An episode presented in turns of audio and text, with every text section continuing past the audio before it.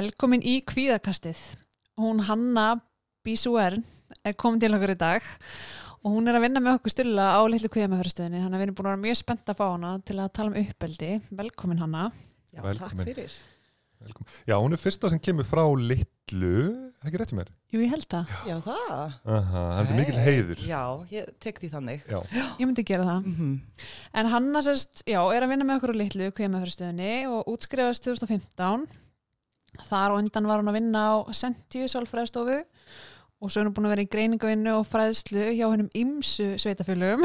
Við vorum að tellja þetta upp og það var eiginlega of mörg sveitafélög til þess að nefna hér í dag. Já, það er bara stýttum þetta Já, í mig sveitafélög. Já, nokkulega.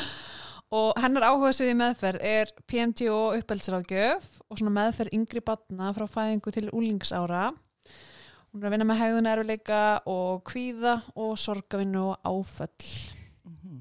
Þannig að, Góð upptalning. já, þér. eða ekki, Já, góð kynning. Ég held það. Ég held þú hefur bara farið yfir þetta. Yfir þetta allt saman. mm. Emmitt. Og svo kannski er hún emmitt bara svona eina mínum uppáhalds til að fara einu skrifstu og spjalla við í lókdags. Mm. Því er svo skemmtileg. Það er mjög hræs og skemmtileg og þau munum örgulega heyra þetta og við munum hlæja mikið í þessum þætti. Sjáum til, þetta er smá pressa núna. Nú þarf ég að vera ekstra skemmtileg. Já, nokkulega. Það var punkturinn sko. Já. Að reyna að hafa þetta svolítið stressandi. en já, við erum sem sagt styrt af vörklass. Mm Er þú í vörklass hana? Já, heyrðu, ég var þar bara í morgun.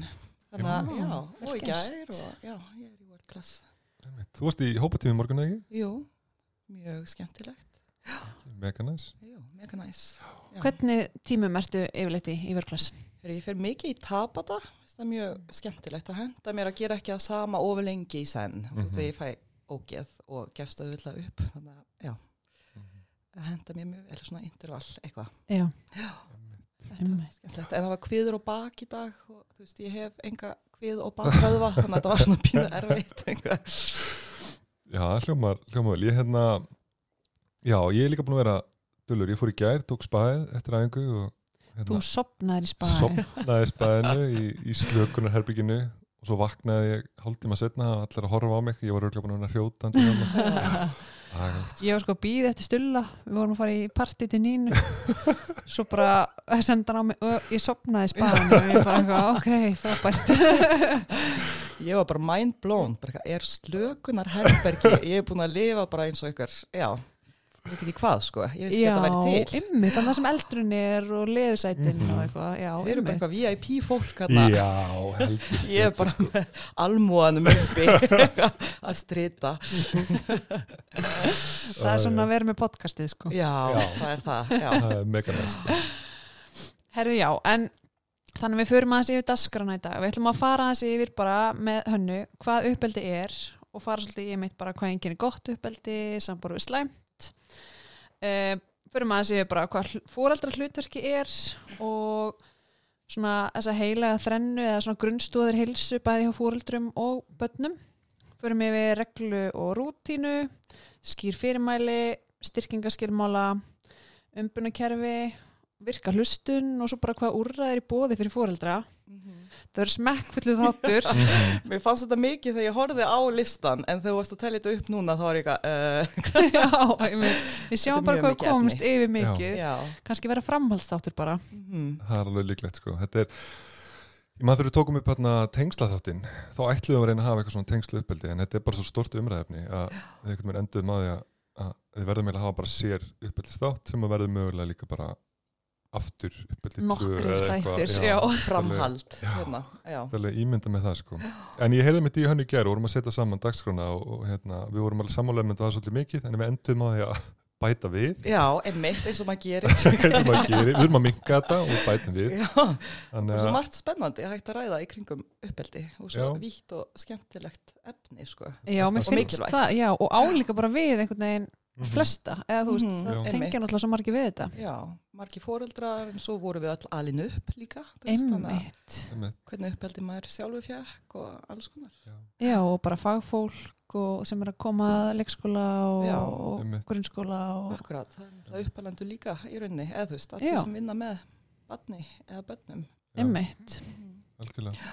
En svo ef við byrjum bara á fyrsta, fyrsta atriðinu, ég, hérna, og ég mann þegar ég var að kenna reglulega hérna, uppbyrð sem virkar á helsugjastlunni, að þá byrjaði ég alltaf að spyrja hópin sem ég var að kenna, bara hvað er uppbyldi í rauninni? Að þegar við skilgrannum þetta öll á einhvern veginn mismandi hátt.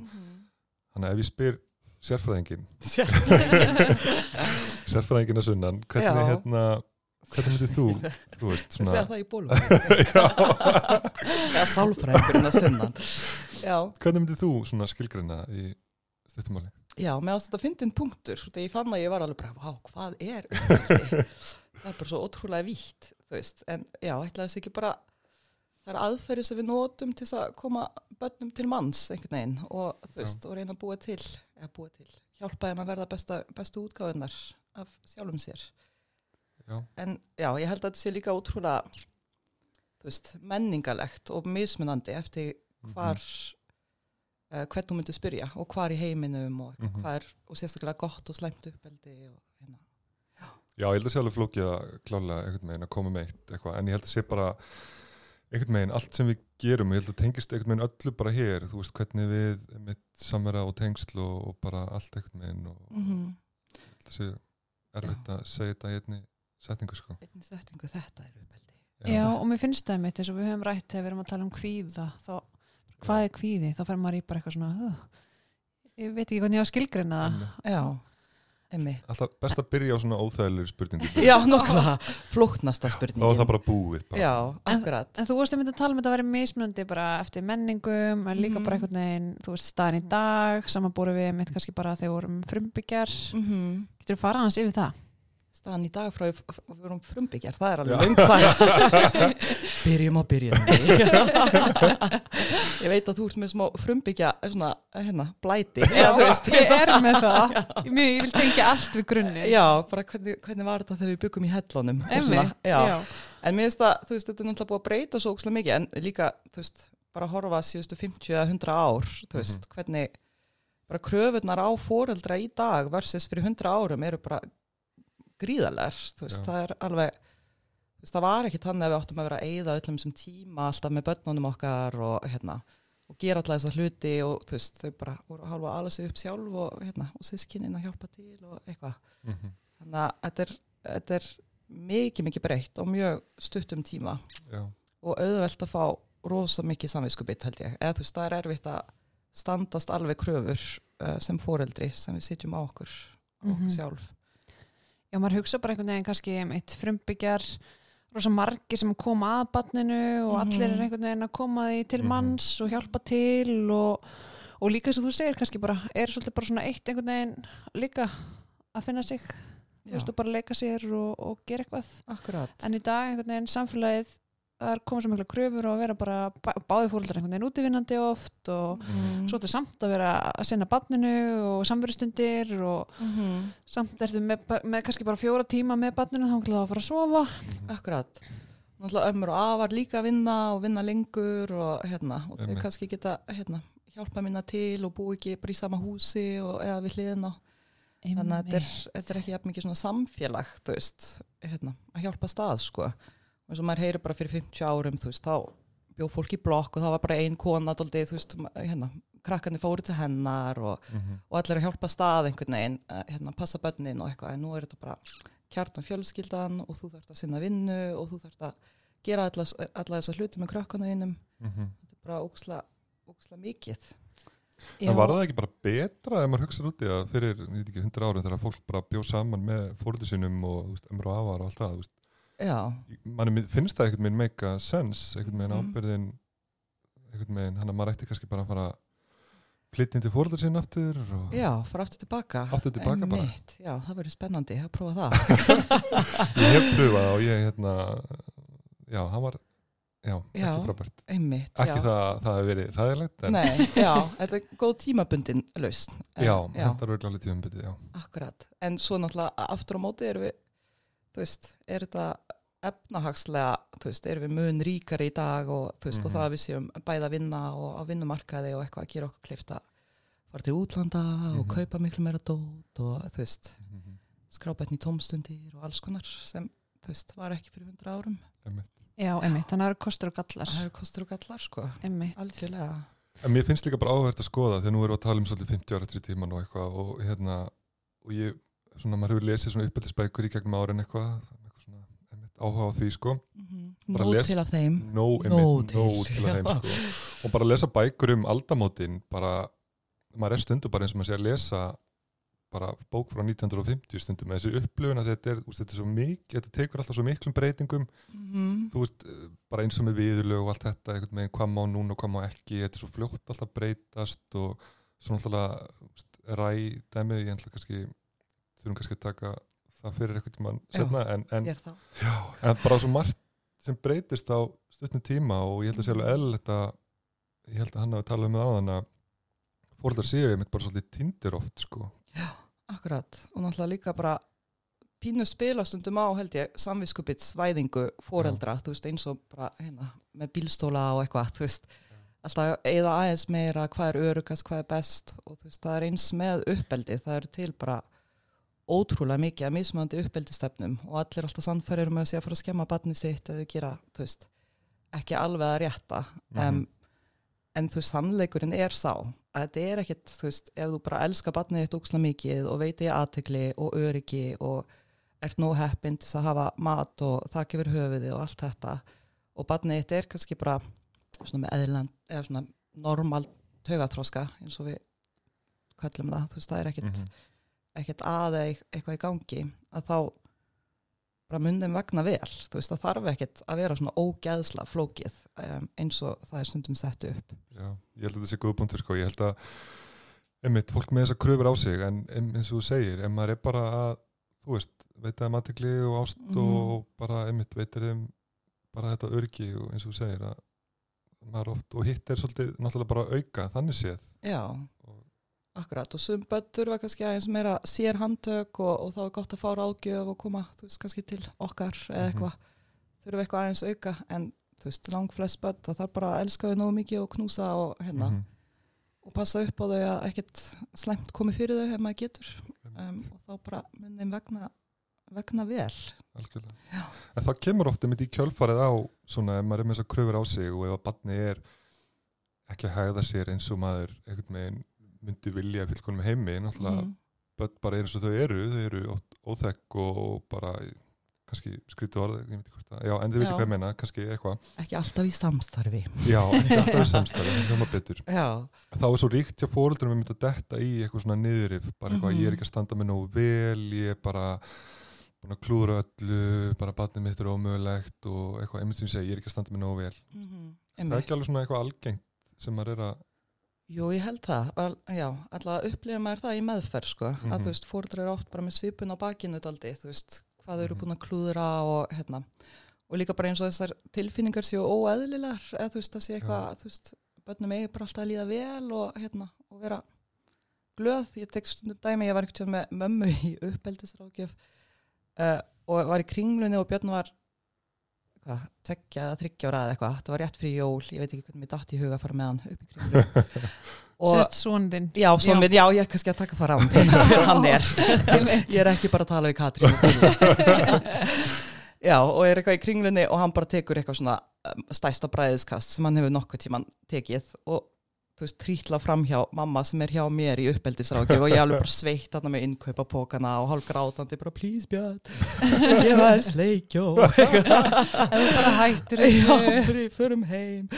Uh, já, en þú veist auðvitað hafa börnin okkar tilfinningar veist, og þau munu upplifa allan skalan hérna, eins og allra annara manna börn. Þótt að ég sé Mm. sálfræðingur þá þýr það ekki að barni mitt verði ekki ekki breið, bræðisköst eða, hérna, eða hérna, upplifa alls konar erfiða hluti og líka bara lendi í erfiðum lífsviðburum og áföllum og alls konar þannig að, já Mér finnst þetta svolítið góð punktur að því mér finnst líka fóreldrar kannski koma inn með óraunhefa kröfur Já. Mhm. svolítið bara svona já bara barnið mitt er með reyðisvanda og svo fer maður kannski aðeins dýbra í það og spyr byrja, já, hversu oft er hann að taka reyðisköst Mhm. bara já, svona einu sinni í mánuð eða einu sinni tveggja mánuða fresti Mhm. og maður svona já húst, og fær kannski nánari lýsingu og, og hann er ekki með sig eða aðra en einmitt Mhm. svona upplýði stóra tilfinningar og Einmitt. maður, maður svona já þarf oft bara líka að validera já. já það er bara, bara eðlilegt Akkurat, já, eða það að strunsa líka inn í herbergi, þú veist, maður svona reynar að kenna fólki bara, það er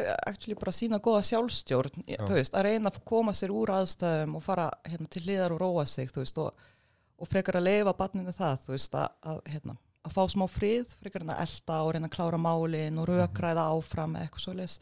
Þetta er, þetta er actually bara mjög gott, þú veist, náttúrulega ekki gott ef þetta er tíu sinnum á dag, að maður strunsin í herbergi og skelli hurðinni, Einmitt. en þú veist, af og til og nokkur sinnum í viku að vera fúll og, og fara úr aðstæðum, að, hérna, það er bara mjög Já. Mjög eðlilegt og Já. hjálplegt Mhm. og, já.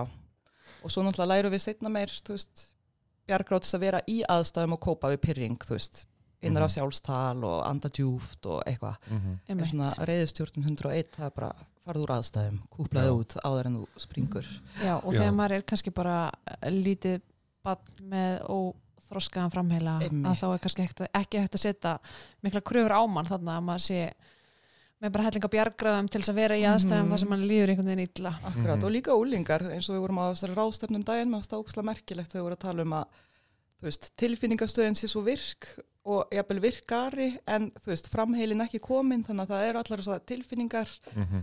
um, en þú ert ekki komin með stjórn, eh, stjórnstöðina eins og fullorna fólki er, er komin með sko.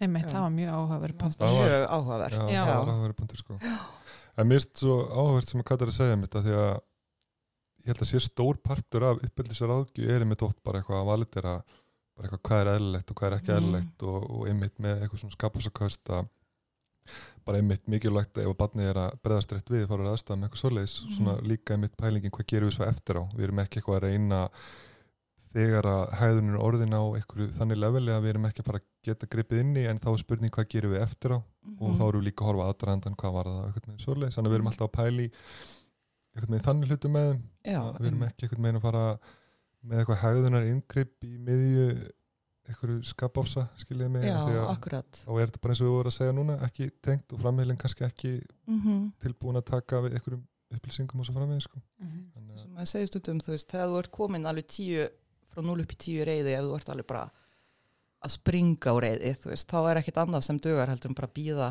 þú veist og bara láta það líða hjá, Já. en þú ert ekkit að fara að breyta kastinu þá. Nei, þú veist, það sem maður er að reyna að kenna er í aðdraðandunum, hvað getum við gert til þess að koma í veg fyrir næsta kast hvernig getum við bröðist við þannig að það sé ólíklega mhm, að komi fleiri heldur en, heldur en færri en, en þegar kastið er komið þá er bara að veðra af sér og, já, og, hérna, og sína hlýju þú veist, og viðandi máta og, og já. Mér finnst þú gott að því að við erum alltaf og við erum eftir að tala um betur eftir, við erum alltaf að reyna að grípa tölum um æskilega hegðun eða góða hegðun, hann ef að barni er að taka kannski skapasa og er að fara inn í herbyggja okkur svoleiðis, en um leið og að nær svo komast niður að þá er svo mikilvægt í okkur að grípa þá beint inn í mm Mhm. þá erum við einhvern veginn að styrkja það hegðun að barni náði að róa sér sjálft Mhm. þannig að í staðan fyrir að eftir að barni er búið að taka eitthvað pyrring og við allt í hennu fyrir að skammast í því eftir á Mhm. frekar eitthvað með þá að, að grípa þau góð eftir á og bara hvað var að koma að gera núna fór þetta í kringlu og rétt Já. fyrir jól og akkurat, akkurat og ekki fara að búa til kannski annað kast eða þú veist, hérna bara, nú er þetta lið hjá og fyrir maður að tala um eitthvað annað eða bara knús ef þú þarft knús. Mhm. Eh, en svo mögulega þarf maður að ræða málinn einhvern tján setna þegar allir eru rólegir og mm eitthvað og það má líka, þú veist, Mhm. koma daginn eftir eða um kvöldi, heyrðu elskan, hvað segir hvað, hvað var í gangi þarna og hvað myndum við vilja gera öðru í sig næst og hvernig get ég hjálpa þér í því? Og, Já, og átti þetta spjall við þau sko. Já, það er mjög góð en, en hvað finnst þér að því við aðeins að tala um að náðan að því að fólk er hvað á maður sem fóreldri ef maður er endur tekið að lendi því bara dag, dag til dag að vera bara úf, ég bara, er ekki að standa mig nóg vel ég er búin að klúra þessu og hinnu hvað, Mhm.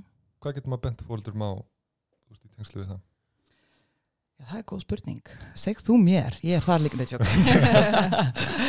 ég held að það sé náttúrulega ókslega eðlilegt. Þú veist, þetta er það mikilvægasta sem við gerum einhvern veginn Mhm. og bara skiptir fólki svo ótrúlega miklu máli. Maður elskar börnin sín út af lífinu og hérna, og búin að hitta, ég veit ekki, hundru fóreldra núna á þessum nokkru árum sem maður hefur verið að vinna og, og alls konar aðstæður og eitthvað. Ég hef aldrei hitt fóreldra ennþá sem vill ekki barninu sínu það besta og, þú veist, og elskar ekki barnið en svo hvað færitni kannski þau hafa og, og getur hverju sinni, þú veist, er misjöfn. mm -hmm.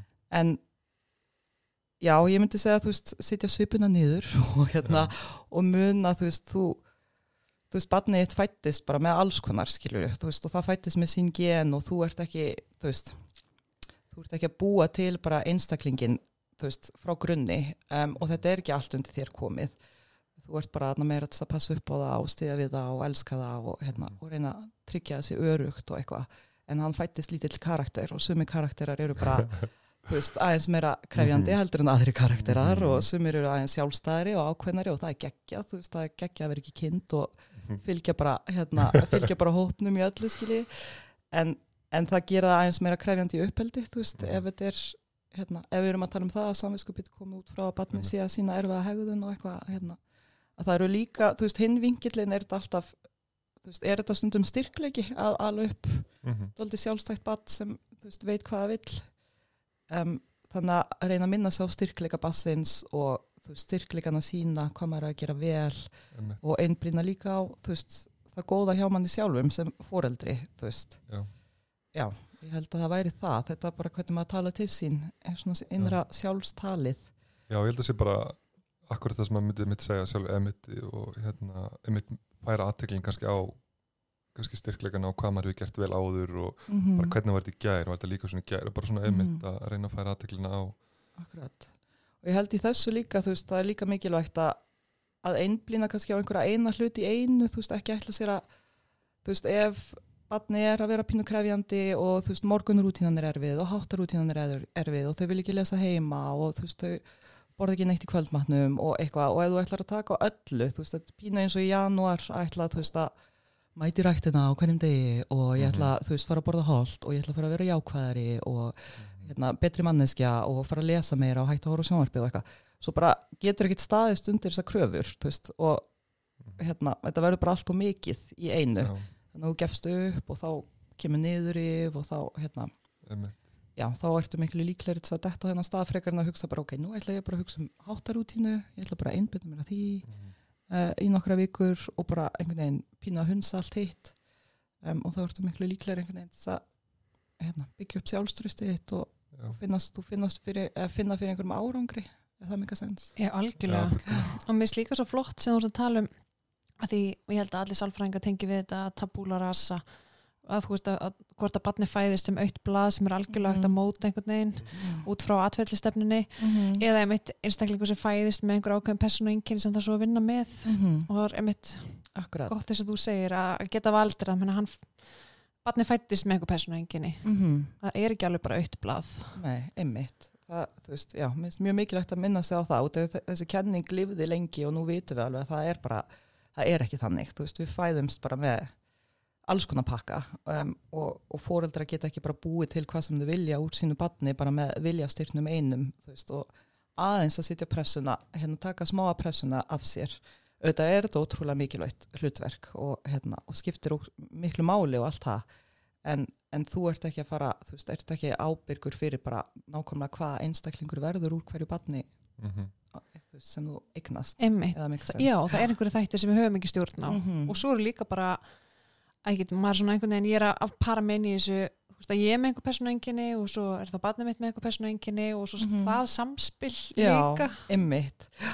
Það er alveg merkilegt líka að sjá það þú veist, og, og bara mismandi samspil innan fjölskyldna eða þú veist, það geta verið mörg sískinni en öðruvísi samskipti millir fóreldri og, og hvers bass út eða svona persónleika einkennin matcha mismunandi einmitt og svo er maður heyrt með kannski hjá foreldrum sem eiga þrjú börn bara, það var ekkert að sama sem að virkaði Mhm. á hvert bann Mhm. þú veist þá, ég bara elsta barnið það þurfti þetta og svo þurfti ég bara algjörlega að breyta um gýr Já, barn nummer tvö, sem akkurat segir okkur líka bara eitthvað að það er ekkert eitthvað eitt rétt uppeldi. Algjörlega, ég man bróður minn eignaðist hérna, eða, hérna þegar hann var með hérna, þáverandi basmóður, hún átti bad fyrir sem var bara auðveldasta bad ever. Það var bara allir tölum, bara fullkomna badni og hún bara situr hérna í matabóðum að lita og brosir og, og er kurteis og eitthvað svona. Og, og hérna basmóður hans var bara þetta er bara easy, þú veist, það vá hvað er auðveld, alveg börn og var bara svona leit pínu niður og alla sem áttu pínu krefjandi einstaklinga. Og svo eignuðist þau dóttu sína sem er indisleg stelpa en Jésús minn, ég hef aldrei séð bara taka svona skapofsaköst svo hún gerði. Þegar maður heyrir eitthvað segja eitthvað svona veist, það er eins og hún sé ansettin þú veist, þarna kynntis ég, maður var bara eitthvað wow, hvernig getur þú haft svona mikla orku þú veist, að öskra svona hátt og svona lengi? Eh, þú veist, og þá var basmóður hans alveg bara, já, ég þurfti að geta allt onni mig, það er bara, þú veist Mhm. að, já þau bara fæðast einhvern veginn, allt öðru í þessi karakterar hérna, já, og þá virkar ekki það sama það og virkar ekki virkar að á sama. Nei, einmitt, þá þurfti bara allt öðru í þessi handbröð með nummer tvö heldur en þurfti Mhm. hérna með nummer eitt. Einmitt, og þarna bara hæfileikar þeirra að vera fóreldrar breyttust ekkert Mhm. þannig millitíðinni. Það, Nei, hérna, einmitt. hann að minna sig á það. reynda kom bróðið minn inn í spili, kannski var það vandamáli náttúrulega annan bassför með fyrri. Nei, djók, jói, ef þú ert að hlusta frábær pappi En svona ef við höldum aðeins áfram og förum svona að því að mist alveg svona eiga vel við sem næsti punktur um, vorum að tala um einmitt hvernig eigum að reyna að svona breyðast við við erum þess að kröfur á okkur sjálf og við erum dettum í þetta að tala eitthvað með eina við sem ekki standa okkur nú vel og okkur svona. Og, og umræða næst sem vorum að pæli að taka svona hvað enginn er gott og þessu slæmt uppeldi. Og það er oft gott að hugsa þetta er náttúrulega tengist fóreldrunum hvernig við erum að svona alveg börnin að þá er mitt gott svona hvað enginnir þá þessu umræðu, hvað enginnir góðan yfirmann eða hvað enginnir góðan uppalanda og þessi styrkleikar. Þannig að maður spyr sig stundum þá hvaða styrkleika sem foreldri eru mikilvægir og eitthvað svona sem að er gott að hafa í huga sem foreldri að vilja kannski ebla og, og, og styrkja ef ég spyrði það því hana Já, þetta er erfið spurning sko mm. Ég held líka hver og einn verði þú veist, að sjá bara hverjir eru þínu styrkleikar sem þú veist, manneskja almennt, eða þú veist, í, í samskiptum Mhm. um, og reyna að íta undir þá styrkleika frekar en að búa til eitthvað, þú veist, annað þegar ég veit að maður þú veist, ég held að húmor er mikill styrkleiki á mínu heimili og geta, þú veist, slegið hluti doldi upp í grín og, og hérna og haft eitthvað gaman saman veist, Mhm. en svo er kannski til húmorslaust fólk hérna úti veist, og það er kannski doldið ósangjart að segja þeim eitthvað notaðu eitthvað, en þau hafa kannski þólimaðina sem ég hef ekki um, og þau geta reynda, styrkja ennþá frekar undir það, veist, þannig að já, ég held maður þurfi bara að sjá já, spá eins í hverjir eru, eru mínu styrkleika sem ég get byggt ennþá meira, meira undir, en það getur verið alls konar, alls konar Mhm. styrkleika sem nýtast mann í uppeldinu, Mhm. já. Er eitthvað eitt sem ykkur dættur hug, eða eitthvað svona fyrir utan þólimaði og húmor? Maður hugsa alltaf fyrst einmitt, ég tengi rosa einmitt við einmitt, nota húmor mjög mikið heima mm sem er, ég held að verði jafnvel stundum að veikleika sko. Þess að við tala í Begga Ólastettinum þegar styrkleiki verður að veikleika. Einmitt. að hérna þegar börnin er eitthvað svona kannski ekki að gera eitthvað sem að maður er endilega mjög sammála um að þá þetta maður kannski bara í húmor og, og hættir ekki sko og ég er alveg þar og heyri það alveg stundum líka. En hérna, já klálega þetta þarf líka að vera okkur svona réttu mögulega leveli en ég hugsa, jú, húmor eins og hjá mér. Ég ætla að þóli með þessi mjög mikilvægt, já, mjög mikilvægt. Reyna að tilenga sér það. Já, og sína svo bara umhyggju einhvern veginn Mhm. sama veginn hvernig fer og í hvað aðstæð maður er sko. já, Já, ég hugsa að því þú komst inn á stulli áðan með hérna hvað enginn er góðan yfirmann? Já. og ég fór hans að hugsa það þegar þú nefndi það og þá hugsa ég svona líka bara sangirni og einhver sem er tilbúin að mæta manni. Já, þú veist að fara ekki bara herðu svona er þetta og er ótrúlega skipandi og maður á bara einhvern veginn að hlýða og, mm og fylgja í einu öllu heldur líka að finna að maður hafi eitthvað um, um málina að segja. Algjörlega, já, geta sest niður og rætt málin og sérstaklega eftir sem að verða eldri, þú veist að hérna að hafa einhverja rödd á heimilinu og, og já, og þessi hlusta eitthvað á mann upp að skynnsamlegu marki. Já, einmitt. Um, já, ég held að það skipti óksla miklu máli sko. og líka bara þú veist, já, eins og þú segir sandgetni, þú veist, að hafa hæfileg þú veist, hvað segir maður, hæfilega kröfur, þú veist, ef, ef maður er með yfirmann sem er að sitja á mann verkefni sem maður ræður ekkit við eða, eða allt og mikla vinnu eða eitthvað, þú veist, að það það skapa líka mjög erfitt andrumsloft um, og brítunni sjálfströst og svona, og það gerir það hjá krökkunum líka ef við erum með óraunhæfar væntingar eða of mikið sem við erum að ætlast til að þeim hverju sinni Mhm. frekar en að einblýna á eitthvað eitt eins og við vorum að tala um án að, hérna, að það svona getur brotið niður sjálfströst ef, ef þau ná ekki að standast undir væntingar já, já, já. já, mér finnst alltaf gaman að mér ég veit ekki, mér finnst þetta eitthvað mjög áhugast umræfin að pæla mitt í Mhm. þessu hvað styrkleikar einhvern veginn hjá fóreldrum komað inn í og einmitt að taka umræðan einmitt bara, þú veist, ef maður er að hlusta að byrja að pæla, ok, mann er allir búin að vinna kannski á mörgum stöðum með mismöndi Mhm. yfirmenn og einmitt og hvað enginni þá, mér finnst alveg áhugast að pæla í því. Já. af því að og samt, ég veit það kannski steikt að vera eitthvað að lýsa hérna fóröldar hlutverkinu við það að vera yfirmaður en En það er það samt smá, eða þú veist ekki já. yfirmaður, en maður er samt eiginlega fyrsta tegund af yfirvaldi sem börn munu þú veist, og auðvitað vill maður vera vinnur og maður vill allt þetta, en við erum samt ákveði mhm, yfirvald, yfirvald líka, þú veist, það, hérna, það er margt sem samsvara sig þannig á milli, sko.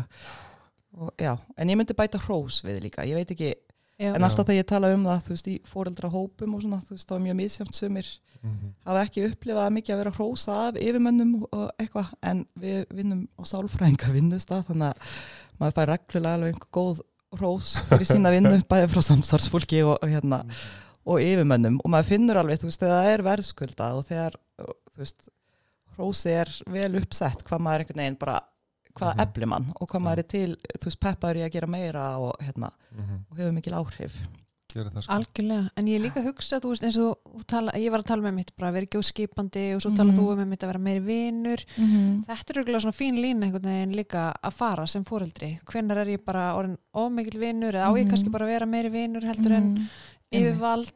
Mhm, Akkurat og það breytist líka eftir því að sem börnin þroskast veist, finnst mér alltaf, þú veist, þegar þau eru lítil þá er maður bara að passa að þau drepi sig ekki allan daginn skilur og þá er maður náttúrulega bara ekki að gera þetta ekki, þú veist, ekki sitja hérna, tunguna í innstungu eða eitthvað, þú veist og hérna, og er bara í, í daldið svona yfirvalds og þau vita líka bara svo lítið, þú veist, og maður þarf að segja um hvað þau að borða og, og þú veist, Mhm. fara á klósettið og alla þessa hluti.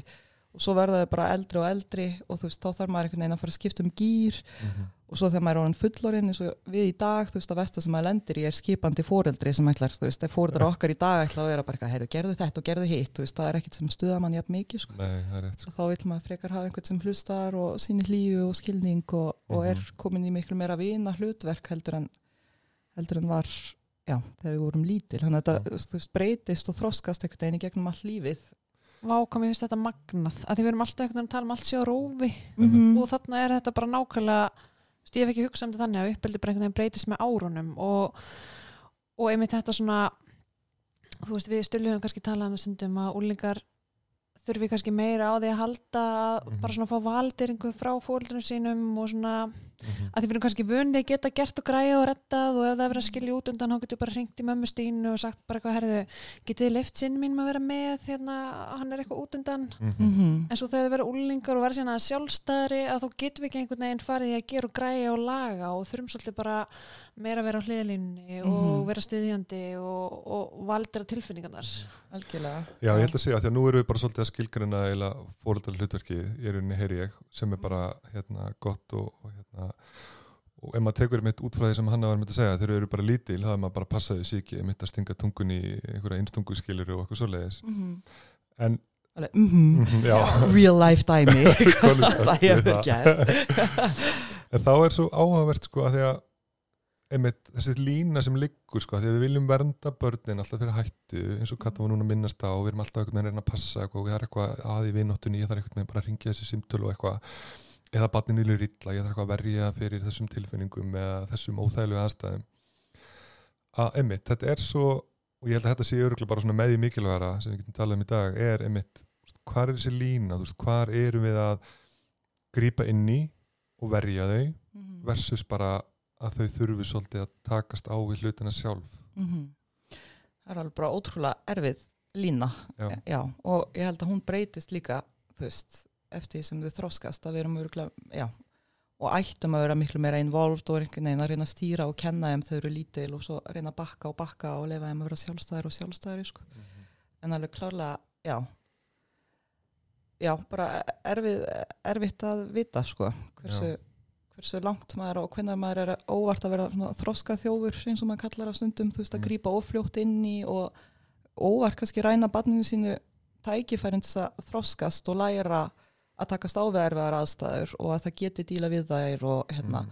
og geti díla við erfiðar tilfinningar og allt þetta út af því að þú veist, já, að það er klála hluti af uppeldis hlutverkinu held ég er þú veist, að kenna barninu sína lífið er bara ókslega erfitt þú veist, Mhm. og það er, þú átt eftir að lenda í alls konar erfiðum aðstæðum og upplifa erfiða tilfinningar og, og flest okkar sem erum heppindist að lifa nú lengi munum lenda í alvarlegum áföllum og hérna, og það er ekki okkar hlutverkan til að, að að passa barni er, eh, veist, upplifa ekki erfiða tilfinningar, auðvitað við að passa þau að lenda ekki óþarfa áföllum, veist, sem við getum Mhm. komið í veg fyrir og reyna að venda þau og allt það en að frekar að kenna þeim bjargráð, veist, hvernig díla ég við það þegar ég er sorgmætur eða þegar ég er kvíðin eða þegar ég er reyður, hvað get ég gert til þess að, til þess að hjálpa mér uh, og kannski stjórnaldóldi minni hegðun þegar mér lífur, lífur ítla frekar en tilfinningunum meikar þetta einhvern sens Já, þetta- 100%. Já, já. Já. En mér langar að koma einu að áðan Mhm. og þú Mhm. skiptir um umræfni stuli. Ég var að hugsa um þetta í morgun, var að hlusta hérna á uh, playlista sem ég er með, það sem kemur hérna Cat Stevens, hafið heyrt lagi Father and Son, þegar vorum að tala um úlingan áðan, mun, ja, veit ekki hvað já ég veit hvað það er, já. og það er eitthvað setning og ég man svo eftir að hafa hlusta á þetta sem úlingur og ég alveg bara grét, mér fannst þetta svo passa svo um sko. segir hann eitthvað svona From the moment I could talk, I was ordered to listen segir hérna úlingurinn eða ungi maðurinn, sko og ég man hvað þetta svona, uh, þú veist hvað mér fannst þetta bara stemma svo algjörlega við mig sem úlingur einhvern veginn, bara mér bara skipa hlusta og þú veist, það er enginn sem hlustar á mig og ég fæ ekki að eiga Mm. rödd og, og allt þetta, sko, að þú veist ég held að sé holdt að muna þessa tilfinningu ef maður getur, hvað manni fannst þetta erfitt og óréttlátt að, hérna, að það var engin þú veist, engin, jú mamma ég elska þig, en þú veist, það, það var ekkert verið að hlusta á mann svona eins og maður vildi og taka Mhm. marka á manni og eitthvað og hvað það er erfið tilfinning að díla við þegar maður er úlingur og að vera sjálfstæður Já. Mhm. Ég held að sé bara ég held að það sé líka bara svo innbyggt í foreldra frá því bönnin fæðist að maður er að verja þau frá allir hættu og svo er svo erfitt að skipta yfir í gýr þurfa að vera Mhm. eldri úlingar að bara eitthvað já ok, nú er ég meira bara einhvern veginn svona að hlusta og við erum kannski meira bara vinir en ég er að segja svolítið og passa upp á þau mm -hmm. ég held að sé bara erfitt og ég er svona, get náttúrulega ekki dæmt um það, ég er náttúrulega eftir stelpum minni bara að vera nýju og ég er svona verð bara svolítið spenntur að sjá þegar skipta. Skipta meira. Mitt, ég hlakka pínu til sko. Já, en já, örgulega eftir að skjóta mig þegar að ég kemur er ég, er ég upp þetta komment. Já, það er örgulega hérna, krefjandi veist, sem kemur upp en, en líka mjög spennandi að sjá þau verða sjálfstæð og hérna, fara út úr hreið, hreiðrinu og feta sína einn ein slóð. Um, mhm, en já, það verður örgulega erfitt að halda aftur á sér og leifa þeim að upplifa sína einn mistök og hérna, já, en ég hugsa stundum um líka, þú veist, þegar maður hugsa um úlingana og þú veist, já, hvernig vil ég, þú veist, maki eða vinur eða eitthvað, ef ég er að upplifa erfileika eða með lífur ítla eða á erfiðan dag í vinnunni eða eitthvað og maður kemur heim og er að venta og tala um hlutina, þú veist, hvernig vil ég að fólk bregðist við, vil ég endilega að þau fari að segja mig hvað ég á að gera eða leysi vandamáli fyrir mig eða þú veist, hvað finnst ykkur, hvað er það sem þau eru að leitast eftir þegar þau eru að koma Svolítið bara, æ, þetta er Já, Vákaðlega held að heyra. mm -hmm. Viltu knús? einmitt Eða eitthvað? Það alltaf það sem ég þarf. Þegar ég kem heim eftir erfiðan dag. Akkurat, svona hlýju, skilning, Mhm. eitthvað, já, ekki Mhm. endilega að hoppa í eitthvað svona doer-mode eða eitthvað, fara að gera lítið úr, eitthvað, æ, nei, þú veist, yfirmaðurinn var ekki svona leðileg, en hún var auðvitað ekki að meina þetta svona. Einmitt, hugsa um Já. börnin í Afríku. Já, svona. Nei, það er ég alltaf, Við gætum haft það verra. það er smá hanna og það er mjög horfum stundum á fréttir til þess að eitthvað binda mig á, eitthvað, fólk hefur það verri í heiminum heldur en ég. Sem getur verið hjálpileg bjargráð Já, fyrir suma. fyrir Fyrir suma, suma, já, en það sko. getur verið mjög hérna, pirrandi þegar einhver annar gera það fyrir mann veist, Mhm, en e- ef maður finnur að það sé að hjálpa manni sjálfum þá er það bara eðislegt sko. mhm. Já, ég held að segja alveg klálega ef maður er að reyna að átt að segja á því af hverju þetta er mikilvægt að spyrja sjálfum sig að því, hvað vil maður sjálfur þegar maður kemur heim á vinnun erfið vinnudagur að Mhm. mm -hmm. maður nennir ekki að hlusta og fá okkur ráð og allt það, já, maður vill fyrir eitthvað bara einmitt, er eins og Katta voru að segja bara já, þetta hljómar hræðilega og eitthvað, Mhm. eitthvað. Mhm. Maður Eða bara, það- já, Já. hvað viltu frá mig núna? Já, Mhm. Þú núna veist, að því stundum kannski vill maður ráð, Mhm. Já, en stundum vill maður það bara alls ekki. akkurat, Það getur verið mjög pyrrandi að fá ráð. ótrúlega já, og svona pínu að gera lítið úr stundum þú veist, eins og maður sé ekki búin að spá í þessum hlutum skilur já, þú veist, hérna, já fólk er að koma með ráð og manni líður eins og þeim finnist maður bara hálf stjúpid að hafa ekki fattað upp á að gera þessa hluti einmitt. Mhm. sjálfur Mhm. En svona kannski næsti vinkil sem að ég held að sé alveg svona kjölfarið á þessari umræðu mikið sens að nú erum við að tala um fóldalhutverkið og eitthvað svona hvað meika sens og ekki og, og hérna en ef maður pælir í því aðeins í svona heldamyndinni að því nú erum við að vinna sem barnasalfræðingar og að við erum að pæla í alls konar hlutum og svona en bara fóreldra sem eru kannski ekkit endilega mikið að eitthvað að lesa ykkur uppbyldisbækur hérna bara í jólafríinu og eitthvað svona Mhm. Af hverju, af því að maður heyrir alltaf svo umræðu, þú veist, að fara svo fáir á uppbyldisnámskeið að fá ráðgjöf, þú veist aftur á mótið þú farir hund, þá ertu bara farin bara eftir tvo mánuði bara á hundanámskeið Er það og- orðið skilda? Ég heyriði það einhver tíman. Sorry, ég ætla ekki Já, að nei, góð, já, Já. ég að fara á hundarna að fara á hundanámskeið. Ef þú ætlar að eignast hund, þá verður það að fara á hundanámskeið.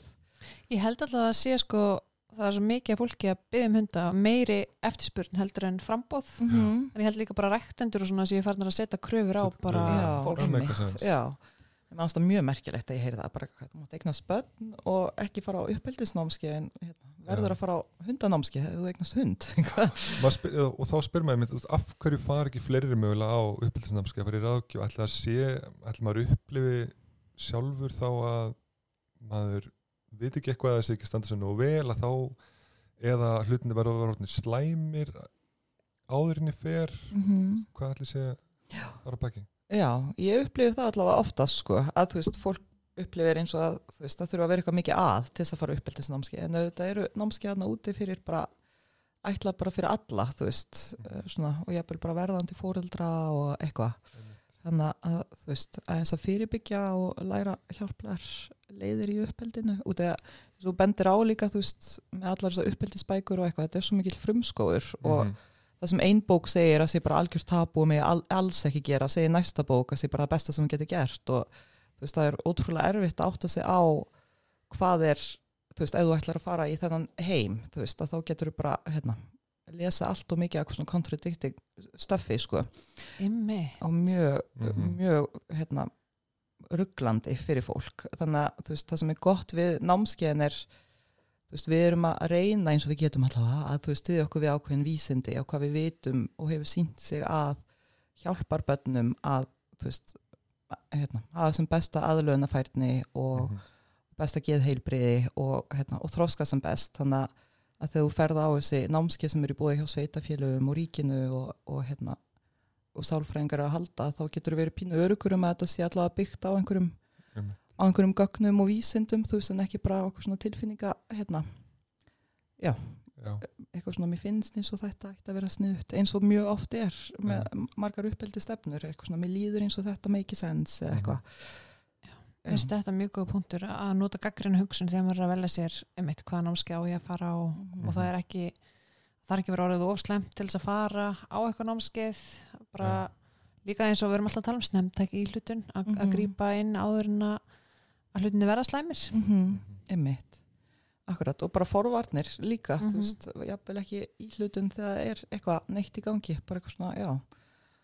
Og líka bara gegja, þú veist, fyrir fóreldra að fara saman á eitthvað svona, þú veist, bæði fóreldra sem eru, þú veist, í sambúð en líka, hérna, jafnvel sem eru ekki í sambúð, þú veist, æðislegt ef þau geta verið saman á námskefum, ég hef oft haft fráskilda fóreldra saman á námskefum og bara og því líku styrkur, þú veist, Mhm. og indislegt að sjá þau saman og, hérna, og reyna að stilla saman strengi sína milli heimila Mhm. en svo hef ég líka oft haft fóreldra sem hafa komið á sitt hvort námski en, en eru þá að læra þú veist, eiga kannski erfara með að með að sitja saman, þú veist, en, en, hérna, en vilja samt stilla strengi og geta þá farið, þú veist, á sitt hverjum tíma og lært sömu aðferðir og, Mhm. og eitthvað, það er líka geggjað, sko.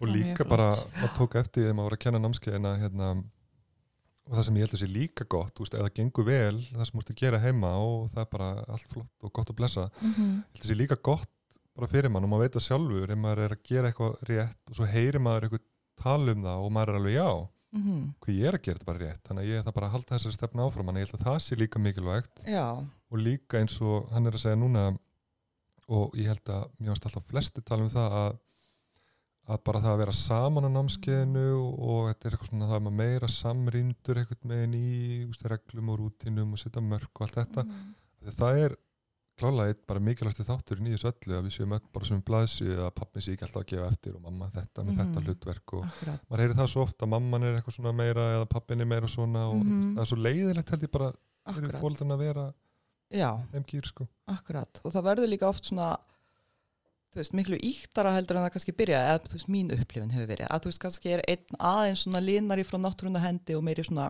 knúsa eitthvað, þú veist, mm -hmm. Svona, eh, hérna, aðeins hlýlegri eða eitthvað um, og hinn aðeins svona meiri uh, reglurútínu manneskja.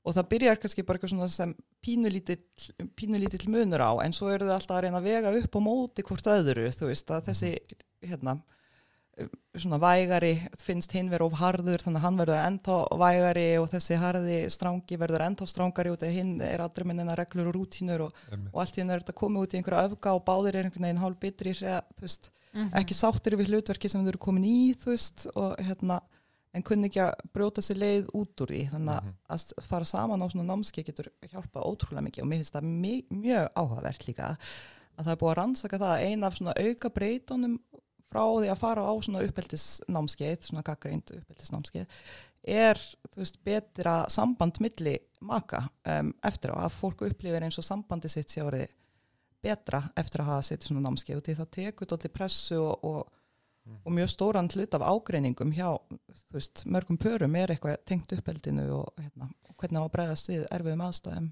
Já, ég get líka ímynda mér ef að ég og maður minn færum á námskeið til þín hana og það var, Endilega. Já, það var einhver svona dýnamík varandi són okkar, Já, þú veist, að ég gæti svona pikkað ég og sagt bara, herði, mástu ég á Hanna sagði þetta veist, Mhm. þannig að þú ert orðin kannski svona aðilin í stafri, herði, gerum þetta meira svona að ég Akkurat. sé einhvern veginn að leggja línutnar og hann er hlýða mér Mhm. ég get ímynda mér að það er með taki svolítið svona þannig stressfaktor í burtu það er, það er einhver leðavísir, það er Mhm. Hanna akkurat, einhver þriði aðili við getum vísað í Hanna Akkurat, og, Og- það er alveg absolutt þannig, þú veist, ofta er maður kannski að segja eitthvað sem annar fóreldri er búið, búið að vera að segja í langan tíma eða eitthvað, en Mhm. þú veist, en þegar einhver þriði aðili kemur inn að þá, þú veist, er miklu auðveldar að kingja Mhm. pillunni, eða, Já, einmitt. Já, og ég finna líka bara eins og við logi, maðurinn minn erum búin að vera að fara á fæðingarnámskeið og brjóstakjánámskeið Mhm. og bara einhvern veginn að sitja þessi námskeið saman og rifja þetta upp, mynda líka bara einhvern veginn svo góð tengst. Já. Já, og líka bara fara saman, veist, þegar fólk er líka komið með börn og eitthvað, veist, ég upplýði það, stundum eru þau bara að, þú veist, fá sér smá borða áður og keira saman í bílnum og þú veist, þau eru bara eins og í viku, í nokkra vikur, bara fara út saman og einhverju að passa krakkana, stundum eftir námskeiðin þá vill fólk ekki fara heim, þau eru eitthvað svona, hvað við hvort annað, eitthvað, eigum við kannski að fara eitthvað, eftir að gera eitthvað, við erum með pössun, það er bara date eftir uppeldisnámskeið. emmitt, og mér finnst það geggja þú veist, með PMT og þú veist, þá er það náttúrulega börn með hegðunar erfiðleika sem, hérna, uppeldisnámskeið sem ég kenni þar um, en þá fær fólk líka svo mikið styrk frá hvort öðru, þú veist, Mhm. að heyra bara að aðrir sé að díla við svipa hluti og ofta er maður miklu kærleiksríkari við annað fólk, þú veist, og þau horfa á hina í hópnum og bara, þú ert geggjum manneskja og þú ert bara greinlega ókslega góðu pappi og ert, þú veist, og elska barnið og ert að standa þig vel og samt ert að eiga við þessa krefjandi hæðun hjá krakkanum og það er auðveldur að þá átt að segja á einmitt með þessa, þetta samviskubit og eitthvað Mhm. að þú veist, kannski er ég líka að gera allt í lagi hluti og er að gera mitt besta en þú veist, bara barnið mitt þarf einhvern svona auka, auka Mhm. aðstóð og stuðning hérna, og náttúruna hendi Vá, maður, það er bara að vera að selja sér uppbyldisnámskeið bara alveg. komið sem flest. En ég held að segja alveg kjöru núna í kjölfara þessar umræði en við sem ekki taka það eftir, bara tala um námskeiðin sem er í bóði, bara í svona fljótu bræði Já. að það var það uppbyld sem virkar á helsukesslunni svo er það PMT og Já, uppbyldi sem virkar er kannski einmitt bara svona dóldi fyrir alla. Fyrir þú veist, það var, já, dóldi lengi kent líka á Reykjanesinu, bara allir verðandi fóreldrar bara á Já. meðgöngu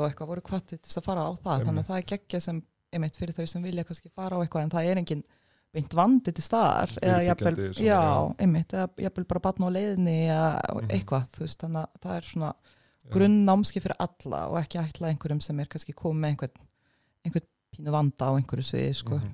og svo er það uppbyldið barna mat í háti það er líka kannski aðeins meira það miðað að Mm. þú veist, þeim barnum einhvern meginn og Sem- hefur reynst vel Já, algjörlega fyrir þau sem eru í greiningaferli að Mhm. hérna, að hafa fengið greiningu og maður mælir bara alltaf með því fyrir veist, og það er náttúrulega fyrsta línu meðferð fyrir börn með ADHD er að fóreldrar og kennarar og svona fói uppeldisráðgjöf og, og náttúrulega Mhm. viðjandi svona kennslu og uppeldisaðferðir með krakkanum, þannig að það er Já. mjög flott námskeið algjörlega algjörlega Já, einmitt, samkvæmt klínisku leifinningum, ég talaði einmitt um að bara einmitt fóldrar og kennarar hafi mjög góða þekking á einkennum og, og Mhm. geti kjálfari aðlagað umhverfið að Akkurat, svona. Þannig, sta- fyrsta meðferð til að nota algjörlega. Herri, mér langar aðeins að við breytum aðeins um gýr. Er þetta öll námskeiðin? Nei, Bara svo búin með- líka fyrir kvíðin, kvíðinbörn. já, við ætlum að tala um fleiri námskeið. Já, Ah, Já, Svona, já. já, kví, kvíðinubörnin, hvert fara þau? Já, það er hérna um, það eru klóki krakkar, klóki Mhm. litlir krakkar eru þá bara leikskólabönnin um, sem eru að sína kvíða einkenni og þá koma bara fóreldrarnir og eru að fá ráðgjöf og svo uh, klókir krakkar sem er hvað styrja, 8 til 12 ára eða ekki? Minni það, jú, ég held að sátt 12 cirka, og þá eru börn og fóreldrar að fara saman. Og þetta er allt svona hugræna atfyllismeðferð og bara rosa flott Mhm. prógram fyrir marga. Já, skemmtileg námskeið sko. Já, og svo hjálp fyrir kvíðin börn já, sem er nýbyrjað að kenna sem er, já, frekar nýlegt og bara rosa flott líka og er þá fyrir foreldra til þess að fá ráðgjöf og verkfæri. Ég held að aldurinn þar, ég held sé ekki að ljúa sé svona 5-6 til 12 ára líka. Já, mér minnir að segja eitthvað sérska já, þetta er allt í bóði á heilsugjastlum og hérna og uh, þjónustumistöðum í Reykjavík skólaskrifstofum uh, annar staðar. Þannig um að gera að skoða hvað er í bóði hjá sér. Og hvað getur henda og svo er PMTO sem er mjög skemmtilegt. Já, hvað er PMTO?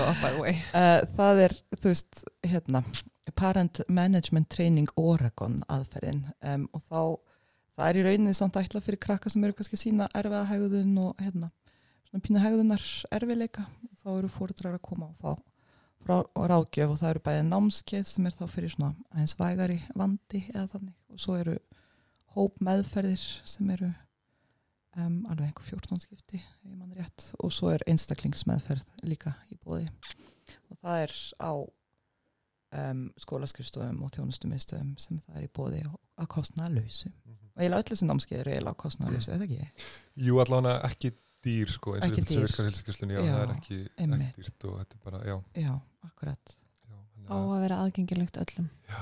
Já, ég, ég mani myndi, ég fekk að sitja einu sinni í PMT þegar ég var í starfsnami á sínum tíma og hérna, mér fannst það svo brilljant námski að góða við það var bara þessi hlutverkaleikir og farið svo ítalega í allt einhvern veginn ekki hræða fólk eh, með hlutverkuleiki, nei, tjók. einmitt, já.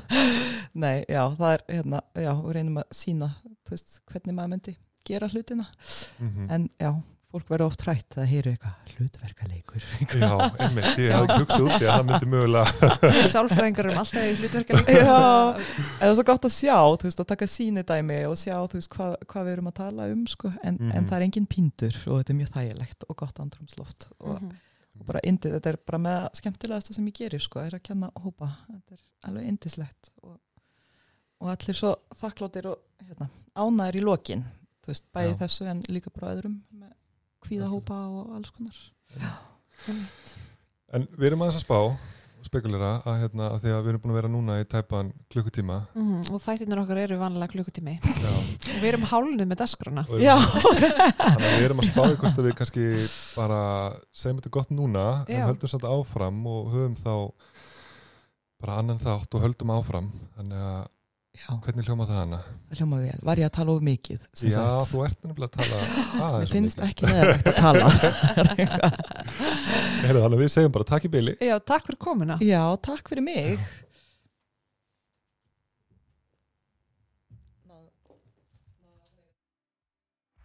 Já.